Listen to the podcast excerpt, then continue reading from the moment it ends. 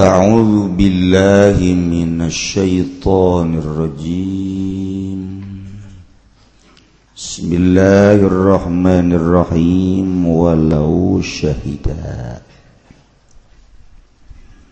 lan lamun nyekseni sapa ya rajul wa huma lan imra'atan bihashimatin kalawan tatu hashimah goblaha idoh. Kang ikut teteping dalam sadurunge hashimah utawi idoh. Utawi tatu idoh lam yajib arsyuha maka ora wajib apa embohe hashim alal madhabi ngatasi kaul madhab. Wal yusarhi syahidu bil mud'alan becik martalakeun sapa saksi sapa kang nyakseni. Bil mud'a kalawan kang den dakwa.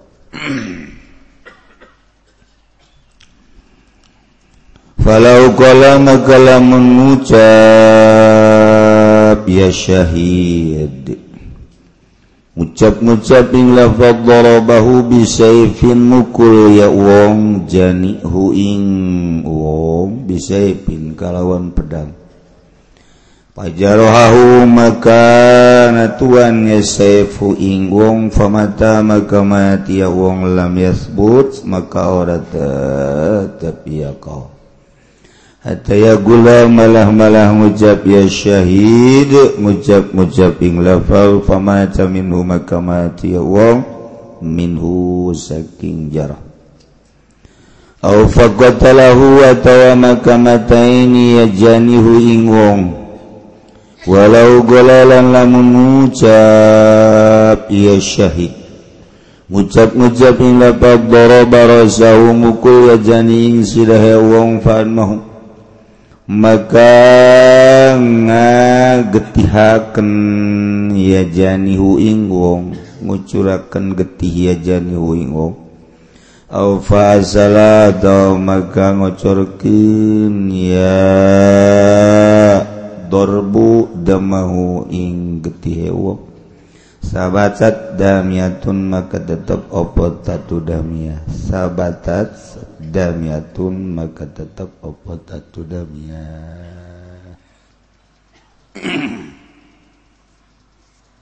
benda kuat. Ketetepan kisos temenang sambarangan kudu melalui ikrar atau saksi dua nu adil. Jadi temenang sembarangan seputus-putus hukum nabai kudu jelas.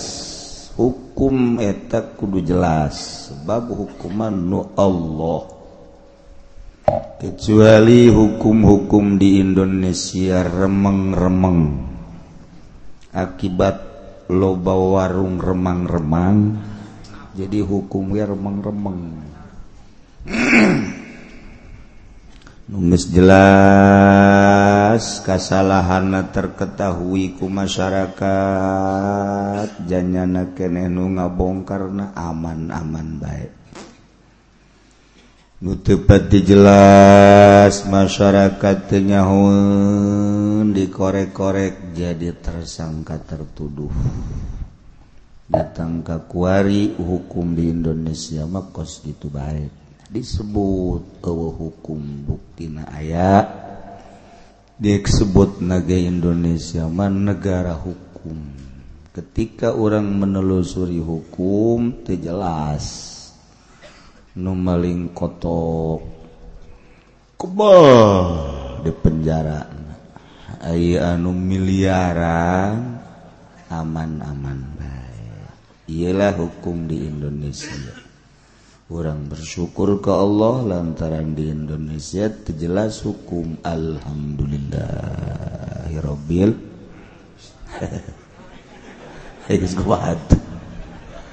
segitu keayaan anak ya orang syukuri we. Tinggal engke urusan anak canangges anu mempermain-mainkan hukum kuari jabakal para rai polisi sugante mete pae koit de sarua.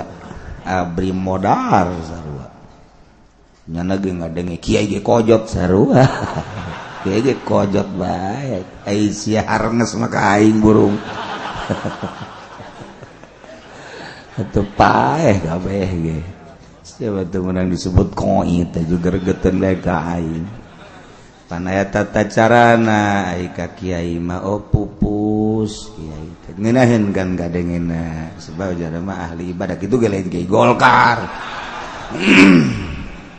Ai ka pamalingan modar teh budak jadi sareng cucurut.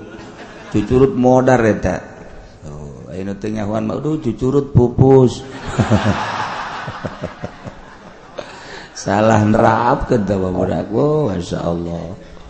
Tuhnya guys ke bangsa pemarintah gitu kudu pupus bangsa bupati ulah pupus. Meringkak bulu orang ngadengnya ya mampuslah. Sedang segitu ge. Gubernur koit sedang polisi kojot eh, nyana tengenahan tangga dengi gitu je kiai sombong kiai yang berendanan tamah naon mampus. Terkuat siapa? Aing ngapa bener doang. Ngapa bener ja pemerintah teh ku hari tepati bener geus tepati bener mah ulah sok disebut sopan-sopan. Geus bae modar geus menaya lurah lurah. Gading loba gua itu ngaji lurah di dia.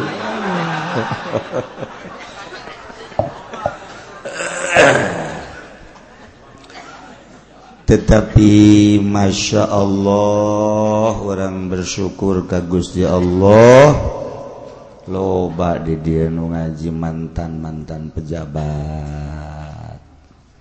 bahkan anu Messi keeh ngajabat PNS PNS dan bangsa encan boga. Masih handal guys luhur terakhirnya aja tetap nah mati bersyukur alhamdulillahirabbil tetap lo baken.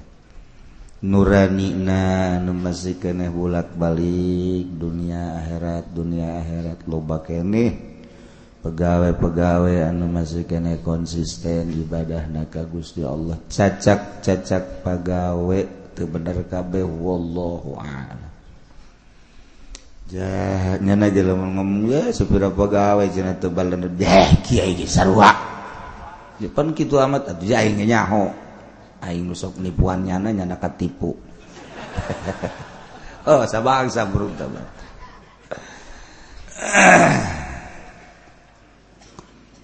walau syahidahwahuma lamun nyaksian seorang lelaki jeung dua wanita.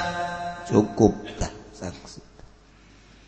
Kitu kene lamun aya nu nyaksian dua jelema lalaki nu araradil cukup. Atawa hiji lalaki dua wewe cukup. Eta saksi lukas gitu ngaranna. Nyaksian bihasyimatin qablaha idahun terjadi pembacokan sampaikan ka luka luka na disebut luka hashimah memeh luka Hasyimah luka mudihah ido. Ah, puyang ngaji atuh pasti puyang jadi mata mikiran ngaji. Mikiran diuk ngarokok balik. Atuh nggak satu teh puyang terus gitu ya datang ngawuduk diuk ngarokok bahkan di luar mau kopi segala. tiga gupan itu dibahas tentang pertatuan teh. Tatu teh aya 10 nu bergulir dina wajah hiji tatu hari soh dua tatu damia tilu tatu baudia opat tatu mutalahimah lima tatu simhaq genep tatu mudihah tujuh tatu hasyimahayatah kadalapan tatu munakalah kasalapan tatu makmumah kasapuluh tatu damigo. Tatu tenawan cina gitu sih mah nanyakan kan ya bapak. Gesi ya tatu naon? Tatu teh luka. jadi luka-luka nu sekeliling kepala eta aya 10 ngaran-ngarana. Geus dibahas ku urang iraha cenah kitu. Cuma kitu bae pan. Dasar HS bae pan ngajina. Alhamdulillah buku kiai cenah di imamah tilok bisa HS barang ngaji waduh tunduh dianggap obat tidur ngaji teh kunyana. Yes, ay, eh, urusan ganjaran atau menang ti mimiti berangkat ti imah nage. Ganjaran. Ti cikupa kadie ti belaraja kadie ti cepatan kadie. Beuh eta teh jangjang malaikat diamparkeun. Ka jelema-jelema anu rek ngaji miceunan kabodoan. anu neangan elmu Allah jangan ada deket diri kagus ya Allah. Kadele nama bapak-bapak ibu-ibu teh lempang di luhur jalan anu rusak. Kerusakan jadi dibenerkan ya padahal mah eta teh lempang diluhurin jangjang malaikat Masya Allah. Tiap-tiap lengkah dosa raragagan. Boh pohara jasa datang ke majelis teh geus eueuh dosaan satiga-tiga acan. Nu mantap tenang tentrem. Datang ke eueuh masalah keur ngaji ge bisa hees pohara pada ngeunaheun jasa. Allah.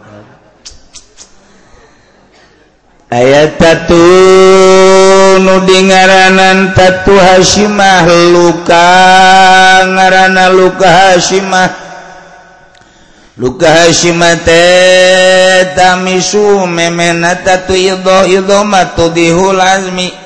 Ayat tatu ngaranana tatu idho mun dibacok tek melah daging nak belah luka ngarana. tulang kadelu taeta ngaranana tatu atau luka mudiha. Lemun datang ka jero prek eta datang ka hancur tulangna nu kitu ngaranna tatu hasimah eta mengaran-ngaran cek bahasa Arab. Urang geus sarua di urang lah tamak katoel doang sapira kena golok setik mata. Kasuat disebut setik rada jero temah cena tulang lagi ka dulu putih ta. Eta disebut bohewel. Itu ngarana urang geus sarua bae lamun datang ka truk tulang lagi ajur bo tama budak ringsek.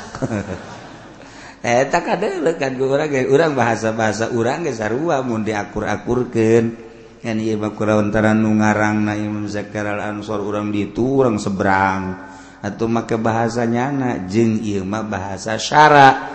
Menang tikangjeng Nabi Muhammad Shallallahu Alaihi Wasallam. Namun diterjemahkan maka bahasa urang ya kos gitu tadi.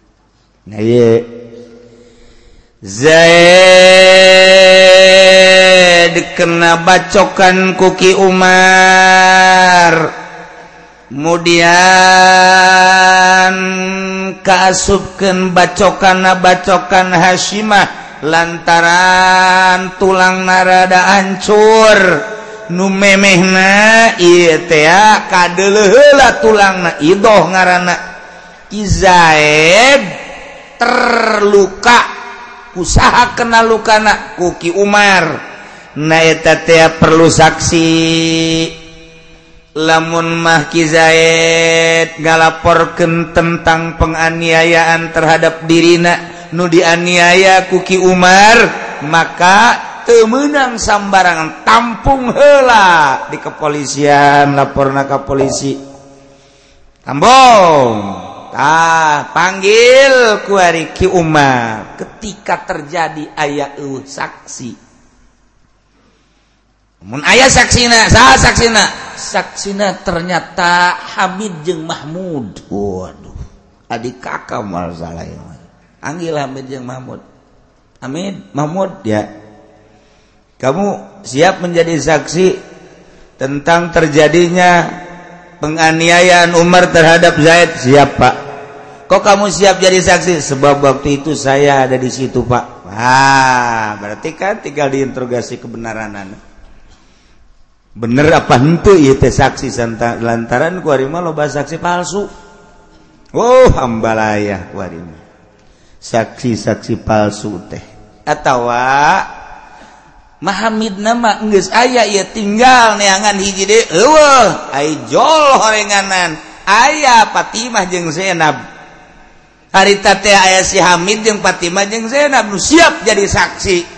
Ayat saksina maka interogasi untuk kebenaran. Antarkan ke polisi polisi mah lain yang mutus hukum hanya mengantarkan ke meja hijau. Polisi mah tugasnya hanya pengamanan dalam negeri abri untuk pengamanan luar negeri. Guys polisi mah ulah mutuskan hukum tebogawan hukum polisi mah. Boganangan peringit doang sakit itu doang polisi mah mantap kamaria ya polisi cerik baik ditanya kuna dicerik? Priwit lengit polisi ondo tau gitu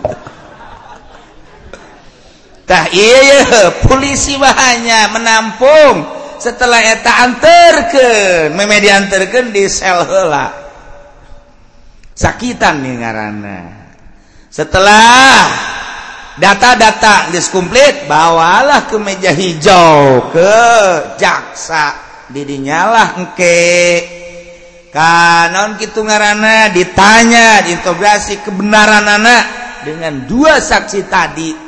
Maka cak didi walau syahidah wa wa lamun hamid nyaksian dibantu ku Fatimah jeung Zainab tentang penganiayaan Umar terhadap Zaid. Anu ngajadikeun luka Hasyimah nu qablaha idoh memehna terjadi idoh heula. Kadeule kabohewelanana tulang kadeuleuk kemudian ternyata sampaikan ka luka Hasyimah eta sakit te alam yajib arsuha alal mazhab encan bisa dipertanggungjawabkan kudu kumaha? Kudu ngajelaskan hela segala rupa na praktek-praktek manusia saksi bener-bener ngajelaskan tentang kejadian tersebut. Itu bukan gambarangan tetap kayak besi dipermain-permainkan Masya Allah.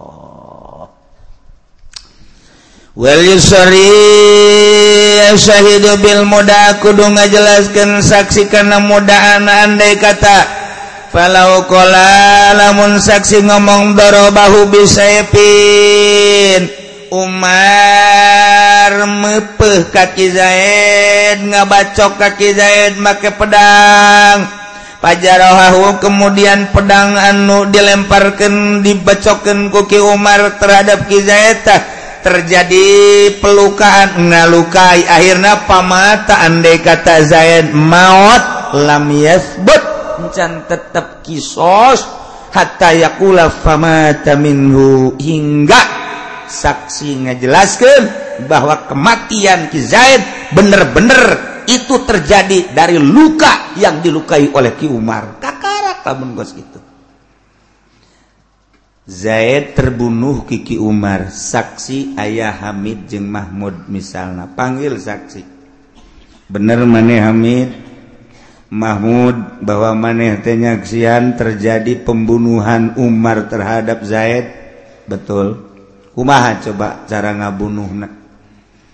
Kula mah pokona mah nyahona bahwa Ki Umar eta ngagag-ngagag pedang kemudian dibacokeun. haju ah, dibawa ke mana ke rumah sakit dan kam mana maklamatenyaongan sakit baik tetet can bisa dipertanggungjawab gendah sakit-sakit teh. Kudu jelas saksi mah. Cek Hamid bahwa kulanyak sial terjadi pembunuhan antara Umar jeng Zaid. Umar cek hakim? Kulan lele jasa ngabacok naki Umar terhadap Izaid begitu ngabacok dah kukulaka dulu nyolewakna ngebohewelanana. Di mana coba lukana? Guru ditanya asana. Wah maka asana ya lain asana pasti nu pertama belah dia. Dia ya tahayana tah. Anda pun beheng di dia kapan wow hurat sarap malulu. Kemudian dua kali dua dinasirah dah kula ngayakinkan bahwa pembunuhan Ki Umar terhadap Izaid sah sehingga Izaid paeh. Iya bener-bener hasil daripada luka. Anu dibacokan ku Ki Umar terhadap Izaid kudu ngomong kos itu. Adapun kieu mah ye Hamid mana nyaksiat bener. Pembunuhan eta harita adapun pembunuhanan eh maut nama kula manteu nyaksian kan waktu waktu ngabacokeun mah kula nyaksian. Tinggal bacok kapae sabaraha poe. azana muntazalama isa minggu mah aya. Nah saya yakin bahwa eta paehna kiza eta ku pembacokan eta duka takula urusan kadi jabat teu nyaho. Teu bisa dipertanggungjawabkeun. Sebab naon? Kemungkinan selama satu minggu paehna lain kuluka buat tingnya nyana nginum racun sorangan. Buat aya anu hibertan ulah leutik teh naon ngaranna naon ngaranna Relgit sih. debe orang betuk matilok ayah anu maehkeun. Kepo tamu urusana. Nah buating ayah gitu rengit gitu disebutna rengitan karang-karang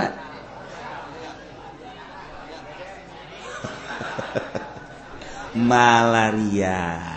Kan orang jauh selama satu minggu tah. Lamun memang ieu saksina kurang tegas.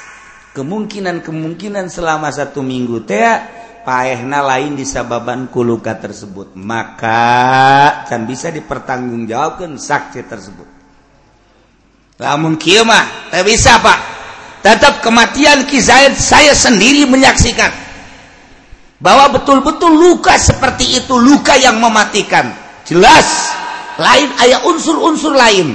Jauh Kizaid kudu nginum racun mah bener genya na pemabok mabok merennya mabok di mana? Ngibing.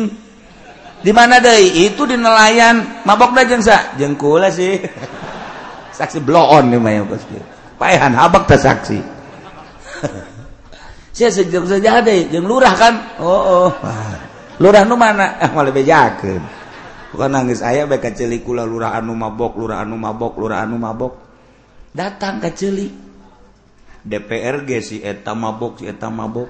Nyaho kula wah kula sok sombong. Ye buktikan. Ye camat anu mabok camat. Ah ki uci sok macem-macem baik emang aing mah kos patot gambar sababaraha macem. Emang intinya camat mabok. Nyawa yeay bubuatan meren ki uci baca decek yang dekat. Pok sabu ada kumasi apa itu mah. Ngan kedelekeun PNS ambualayah nu mabok deku maha bener benerna negara. deku maha bener benerna negara. Jehe emang kula teu jauh gitu nyaho. Disebutan hiji-hiji aya di sambu kula.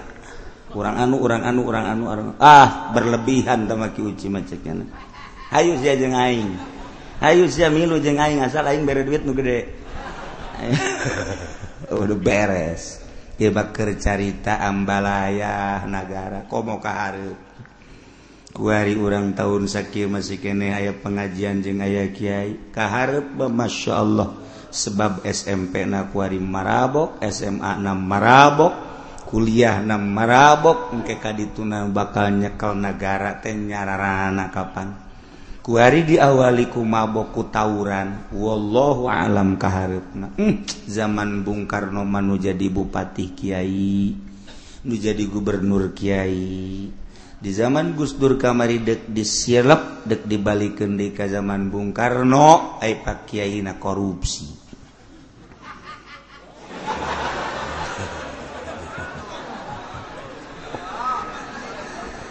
walau syahidahu wa huma bihasimatin wal yusari Said bil muda. Andai kata Hamid nyaritakeun tentang dorobna dorbuna pemukulanana maka pedang kemudian melukai Ki Zaid.